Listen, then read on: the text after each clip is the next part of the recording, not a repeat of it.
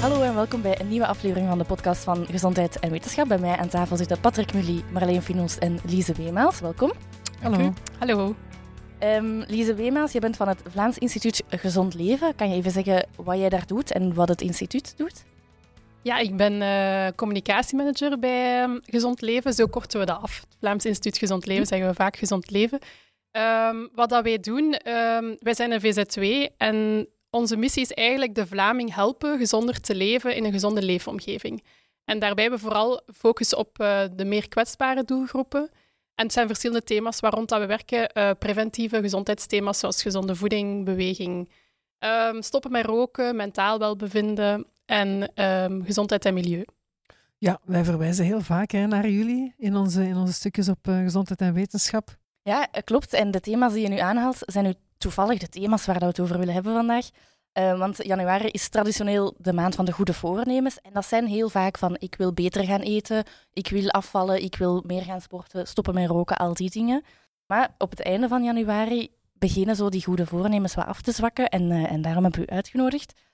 Uh, om even de mensen extra te motiveren en wat praktische tips mee te geven van hoe kan ik dat nu allemaal volhouden.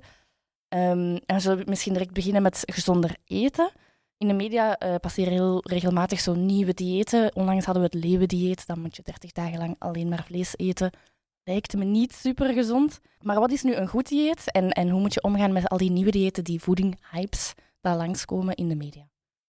Ja, voedingshypes is zoals het woord het zegt, dat is een hype, dat is iets van tijdelijke uh, aard. Um, ik denk dat veel mensen ook gewoon hopen op zo'n quick fix. Iets dat je gemakkelijk kunt doen, waardoor dat je snel afvalt.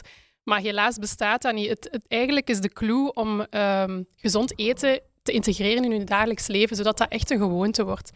En wij verwijzen daarvoor naar de voedingsdriehoek, uh, want daarin zie je heel duidelijk wat, dat, wat dat je best zoveel mogelijk van eet en wat dat je best tot een minimum beperkt. Die voedingsdriehoek, ik denk dat de meeste mensen dat wel kennen, maar kan je nog kort even uitleggen wat dat juist is? De voedingsdriehoek is eigenlijk dat je in één oogopslag, via de driehoek, allee, via een driehoek kunt zien wat dat je best zoveel mogelijk eet. Helemaal van boven staat er, um, dat is de donkergroene zone. Daarin staan alle plantaardige voedingsmiddelen die je best zoveel mogelijk eet, zoals groenten en fruit, peulvruchten, noten, zaden, bepaalde oliën. Dus dat leeuwendieet, dat zit er niet bij, hè? Nee, nee, nee, dat zit er zeker niet bij. Nee, nee inderdaad. Nee. Uh, het is net zelfs zo om, om vlees tot een minimum te beperken um, en vooral in te zetten op die plantaardige voedingsmiddelen. Ja, en dat is eigenlijk het juiste het toffe aan die nieuwe voedingsdriehoek, die omgekeerde voedingsdriehoek, dat er duidelijk standpunten ingenomen worden. Daar waar in het verleden toch wel een genuanceerd beeld was, uh, is het hier toch wel duidelijk voor de consument om te kijken, ja, wat is nu gezond en wat is veel minder gezond. Ja, en ik ben heel blij dat u dat zegt, want dat was ook echt wel de bedoeling van de nieuwe voedingsdriehoek. Vroeger was die actieve voedingsdriehoek voornamelijk gericht op professionals.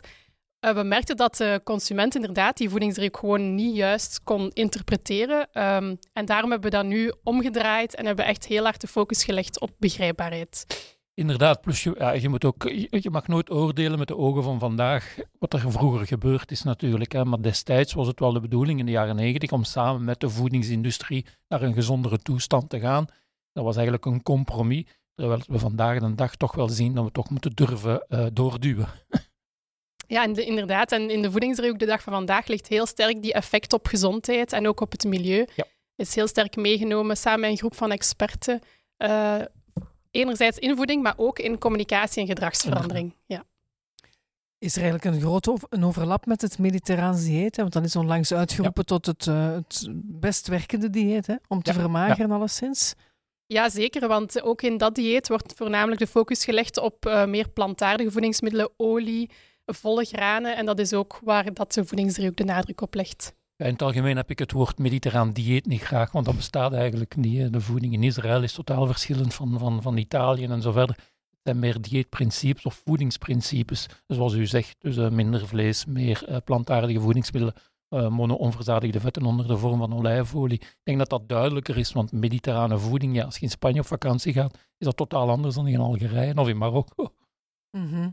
En nu nog mensen overtuigen om, om hem ook te gebruiken, natuurlijk. Hè? Die, die dieetadviezen of die voedingsadviezen beter. Hoe gaat gezond leven daarmee om? Kunnen jullie mensen in de juiste richting duwen? Ja, enerzijds leggen we de focus op hè, wat is gezonde voeding of wat is een gezond voedingspatroon. Maar we geven ook wel heel wat goed tips mee van hoe doet je dat nu eigenlijk, dat integreren in je, in je dagelijks leven. Um, en eerst en vooral, en dat hangt ook een beetje samen met de goede voornemens, is dat het heel belangrijk is dat je concrete en haalbare doelen voorop stelt. Dus stel nu dat je elke dag um, de gewoonte hebt om een wafel te eten, bijvoorbeeld, als vier uurtje, dan kun je al eens proberen om dat drie, dagen, of drie keer in de week te vervangen door een stukje fruit. Dus dat ook heel geleidelijk aan, stap voor stap, en niet heel radicaal uh, alles willen omgooien. Op 1 januari zeggen, en vanaf nu eet ik gezond, is dus eigenlijk misschien niet de beste manier om te veranderen. Nee, inderdaad. Ik denk dat uh, gezond eten, dat kun je van alle, alle dagen beginnen. Dat moet niet op 1 januari. Maar ik, ik geloof niet in een gezonde eetfase of fase in je leven dat je gezond gaat eten. Ik denk dat je echt je leven moet reorganiseren samen met je familie. Een andere interactie hebben met je omgeving qua beweging, qua voeding. Het is eigenlijk een totaal pakket. En dat komt wel mooi tot uiting in de omgekeerde voedingsdriehoek, in de bewegingsdriehoek en in alle acties die jullie doen. Ja, en dat klopt. En wat ik ook graag zou willen aanvullen daarbij is, wat u zelf ook al zei, die omgeving is heel belangrijk. Zowel echt de fysieke omgeving, bijvoorbeeld, ik zeg nu maar thuis, um, een, een stuk uw, fruitschaal in zicht plaatsen en dan meer de ongezonde zaken in een kast plaatsen, dat je, daarin, dat je niet verleid wordt om dat te eten. Maar ook uw sociale omgeving speelt ook een heel belangrijke rol. Um, daarmee ook een tip als je het, het, voornemen hebt om gezonder te eten, is om dat ook echt te laten, om mee, te, laten weten aan je sociale omgeving, zodat ze u daar ook in kunnen steunen en aanmoedigen. Uh, dat is heel belangrijk. Maar ik denk, jullie hebben een zeer correcte, wetenschappelijke, zeer goede boodschap, maar jullie missen natuurlijk wel één zaak, dat is sensatie, en daar speelt de pers op. Uh, de pers heeft al lang de rol van informatie weggelegd naar uh, zoveel mogelijk lees- en kijkcijfers. En daar speelt sensatie een grote rol. Hè. Broccoli beschermt tegen borstkanker. Amai, dat lokt enorm veel lezers. Terwijl ja, gezonde voeding, ja, dat is minder spectaculair, maar oneindig belangrijker. Ja, klopt volledig. Ja, het blijft, het is, we blijven erop hameren. Het is natuurlijk geen uh, sexy boodschap, maar uh, die voedingsregels of die gezond, of hoe gezond eten en gezond leven, dat is eigenlijk al uh, de laatste decennia grosso modo hetzelfde gebleven natuurlijk. Hè. Ja. Dat weten we wel. Maar de, het woord is hier ook al gevallen, de bewegingsdriehoek. De bewegingsdriehoek, wat, wat is dat precies? Bewegingsdriehoek is dus te vergelijken met de voedingsdriehoek, maar dan specifiek voor het thema bewegen, maar ook voor het thema sedentair gedrag. Dat is uh, vakjargon voor mm. lang stilzitten. Dus enerzijds is het belangrijk dat je doorheen de dag voldoende beweegt, maar ook dat je niet te, te lang stil zit. Uh, dus ideaal staat je eigenlijk na een half uur best eens gewoon recht armen losgooien en dan bijvoorbeeld terug gaan zitten en verder werken. En daarover gaat die bewegingsdriehoek. En dat is ook wetenschappelijk onderbouwd. Hè? Dat is allemaal goed uh, gefundeerd wat, daar, wat daarin staat. En geven jullie ook, ook tips om mensen in beweging te krijgen die nu niet, uh, niet graag sporten, bijvoorbeeld? Ja, zeker. Eigenlijk leggen we daar heel graag de nadruk op. Uh, mensen associëren beweging heel snel met sporten, terwijl bewegen heel laagdrempelig kan zijn. Bijvoorbeeld huishoudelijke taken, afwassen. Aha. Dat is een vorm van licht intensief uh, bewegen, zoals we dat noemen. Okay. Maar bijvoorbeeld spitten in de tuin, waarbij dat je al sneller begint te ademen, bijvoorbeeld, dat is al matig intensief bewegen, wat dat sterk wordt aanbevolen. Dus je hoeft eigenlijk niet te sporten om voldoende te bewegen. Ah, je kan ook afwassen, Patrick. Ja, ik hoop dat mijn vrouw niet aan het luisteren Oké. Okay. Ja, sprakeloos van, maar...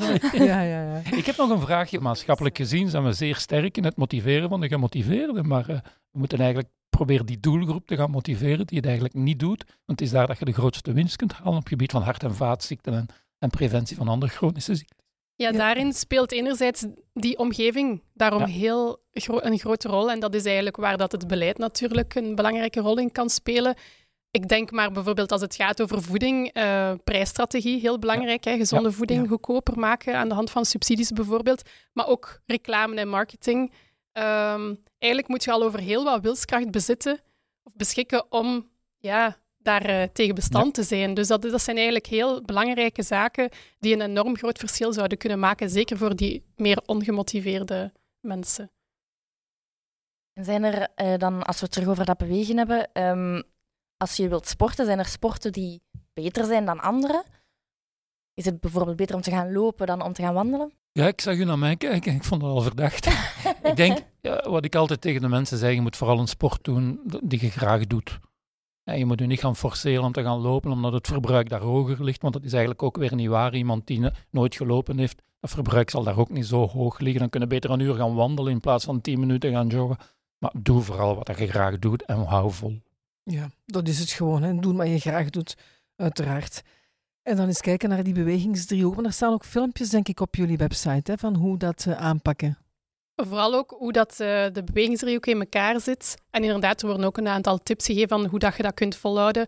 Heb bijvoorbeeld die concrete doelen voor gezonde voeding, maar dat geldt evengoed voor, uh, voor beweging natuurlijk. Maar bijvoorbeeld ook effectief een plan maken en, nu, en zeggen van... Um, als ik thuis werk, ga ik elke middag om, tijdens mijn middagpauze 20 minuten gaan wandelen. Um, en ook voorzien zijn op mogelijke scenario's die kunnen gebeuren. Bijvoorbeeld het regent, je regenkledij klaarleggen, zodat je geen excuus hebt om dat niet te doen. Ik denk de grootste val is van ik ga gaan sporten als ik tijd heb deze avond. Zo moet je het niet gaan doen, want je gaat van alles gaan uitvinden om het niet te doen. Ik denk dat je dat echt in je agenda moet vastleggen ja, van vijf tot half zes ga ik sporten. Ja, ja ik doe dat. Ik doe dat hè. Zondagavond zeg ik van ik ga drie keer per week sporten. Wanneer heb ik tijd en ik plan dat in. Ik plan dat echt in. Zo, en dat werkt dat ook. ook. Zo, ja. Doe je dat ook zo? Het werkt ook echt wel. Hè. Dus voilà. Wij volgen al de tips van gezond leven. Patrick, dat is goed. Maar we zien er ook goed uit, hè? Pas op. Zeker in de podcast. Zeker in de podcast. En wat zeker ook helpt, is dat je eigenlijk um, een vriend of een vriendin zou vragen om, om mee te gaan wandelen, bijvoorbeeld dat is ook een extra stimulans om dat vol te houden. Ja, ik heb veel vrienden. Met de collega's aan Patrick. Ja. Dank Wat je ook kan doen, is een podcast beluisteren. Ik doe dat. Ik doe dat. Ik doe het als ik ga wandelen. Uh, ik beluister nog wel eens een podcast. Er zijn heel goede podcasts. Ja. En, uh, Zo van en... 20 minuten, een half uurtje ongeveer. okay, bijvoorbeeld. Ja, nee, maar dat is, dat is ook wel een zekere manier ja, en als we buiten gaan wandelen, januari, we hebben heel veel grijze dagen gehad. Dan is er nog zoiets als de somberte, de sombere grijze januari-dagen. Blue Monday hebben we gehad. uh, die mentale gezondheid, ook daar is uh, Gezond Leven mee bezig. Want jullie hebben ook een geluksdriehoek. Ja, dat klopt. Dat is uh, ons meest recente driehoek. We zijn fan van driehoeken, ja, zo blijkt. um, dus is vergelijkbaar met de voedingsdriehoek en de bewegingsdriehoek, uh, maar dan voor uw mentaal welbevinden. En de reden waarom het geluksdriehoek heet, is omdat mentaal welbevinden een moeilijke term is, niet voor iedereen duidelijk. Terwijl geluk, daar kan iedereen zich iets bij voorstellen. En uit een testing bleek ook dat mensen dat wel ook associëren, het, het woordje geluk of gelukkig zijn, met mentaal welbevinden. Ja, dat lijkt me logisch. Ik doe dat zelf ook, denk ik. Ja. En wat, wat uh, staat er zoal in die geluksdriehoek? Uh, de geluksdriehoek dat gaat eigenlijk over... Dus er is een deel van je geluk dat je natuurlijk niet zelf in handen hebt. Hè. Er zijn zaken zoals bijvoorbeeld voldoende financiële middelen hebben, een goede fysieke of mentale gezondheid hebben, um, in een warm nest opgegroeid zijn. Daar heb je natuurlijk geen vat op. Maar uh, uit onderzoek blijkt dat er wel een stuk van je geluk is dat je wel uh, kunt eigenlijk controleren, um, die je in handen hebt door vaardigheden ja. aan te leren. Uh, maar dus de geluksdriehoek die bestaat uit drie bouwblokken. Uh, die met elkaar verbonden zijn. Uh, dat is je goed voelen, goed omringd zijn en jezelf kunnen zijn. Dat zijn eigenlijk drie cruciale elementen die mee je geluk bepalen. Maar ook heel belangrijk, de oranje bol staat net zoals de voedingsdriehoek buiten de uh, geluksdriehoek. En dat symboliseert eigenlijk de onverwachte gebeurtenissen die in je leven kunnen op je pad komen, die je uit balans brengen. En we willen daarvan, of daarmee ook de boodschap geven, dat is ook oké. Perfect geluk bestaat gewoon niet. Iedereen maakt dat mee in zijn leven. En uh, soms is gelukkig zijn ook eigenlijk het ongelukkig zijn leren beheersen. Dus daarom vonden we mhm. dat een, uh, een heel belangrijk om mee te nemen. Mooi hè? Gelukkig zijn is het ongelukkig zijn proberen beheersen. Ja, Jij ik onthouden. ik ben aan het nadenken, ja. maar is dat ook niet ook een beetje een manier van denken ja. en attitude in het ja. algemeen om uh, om te gaan met tegenslag en niet onmiddellijk het zwartste van het zwartste zien en toch proberen ergens iets positiefs te vinden? Ja, zeker en vast. Bijvoorbeeld, als je nooit faalt, kun je er ook nooit niks uit leren. En dat is ook een manier om ernaar te kijken. Mm -hmm. als je dat natuurlijk direct als iets negatiefs bekijkt, het falen, ja, dan, dan blokkeert je. Terwijl soms kan dat ook gewoon een leerschool zijn. Mm -hmm. Hebben jullie ook tips, tips daarvoor? Um, er zijn eigenlijk op geluksdriehoek.be heel wat oefeningen waar dat je dan kunt werken aan bepaalde vaardigheden. Aha. En ook in de geluksdriehoek, maar die staan niet in het, het figuur zelf, die vind je dan op geluksdriehoek.be hebben per bouwblok een aantal vraagjes geformuleerd. Niet iets waar dat je juist of fout kunt op antwoorden, maar die vraagjes helpen u om eigenlijk uw die vaardigheden te trainen. Bijvoorbeeld, ben je soms niet te streng voor jezelf? Kunt je ook eens nagaan van, ben ik wel mild genoeg? Um, een oefening daarbij zou kunnen zijn dat je hetgeen waar dat je misschien dat gebeurd is en dat je nogal redelijk hard zijt naar jezelf toe, uh, hoe zou je reageren moest een vriend of vriendin dat aan u vertellen? Dan reageert je vaak veel milder Dus dat, dat helpt u om ja, het probleem hè, anders te bekijken. En zo zijn er een aantal oefeningen bij die, die u helpen om vaardigheden te trainen daarin. Oké, okay, geluksdriehoek.be gaan we zeker, zeker eens naar kijken straks. Tof. Nu, stoppen met roken is nog, nog eentje om het uh, rijtje te vervolledigen. Zijn jullie ook mee bezig, denk ik? Ja, hè? ja daar zijn we ook mee bezig. Maar daar is geen driehoek voor. Nee, daar is geen driehoek. ik denk dat daar is het heel eenvoudig. roken is jammer genoeg, alleen niet jammer genoeg, roken is gewoon ongezond. Um, ja, bij voeding is dat veel complexer natuurlijk, maar bij roken is één sigaret is gewoon één te veel. Um, maar ook daar geldt eigenlijk, net zoals bij die andere thema's, voeding, beweging, um, een terugval is eigenlijk heel normaal als je wilt stoppen met roken. Maar hetzelfde als je gezonder wilt eten, als je meer wilt bewegen. Stel dat je een keer een terugval hebt, dat is heel normaal. Bij roken is het zelfs zo dat een, een mens ongeveer, allez, of een roker, uh, vijf tot zeven rookstoppogingen nodig heeft om volledig van die sigaret af te geraken. Dat is veel. Mm -hmm. Ja. ja. Ja, inderdaad, maar dan verwijs je een beetje terug naar die, die geluksdriehoek, hè, waar zelf evaluatie en leren uit je fouten van essentieel belang is en niet blijven hangen bij een, een, het falen van stoppen met roken. Herbeginnen is niet erg. Het belangrijkste is dat je er terug in vliegt natuurlijk. Ja.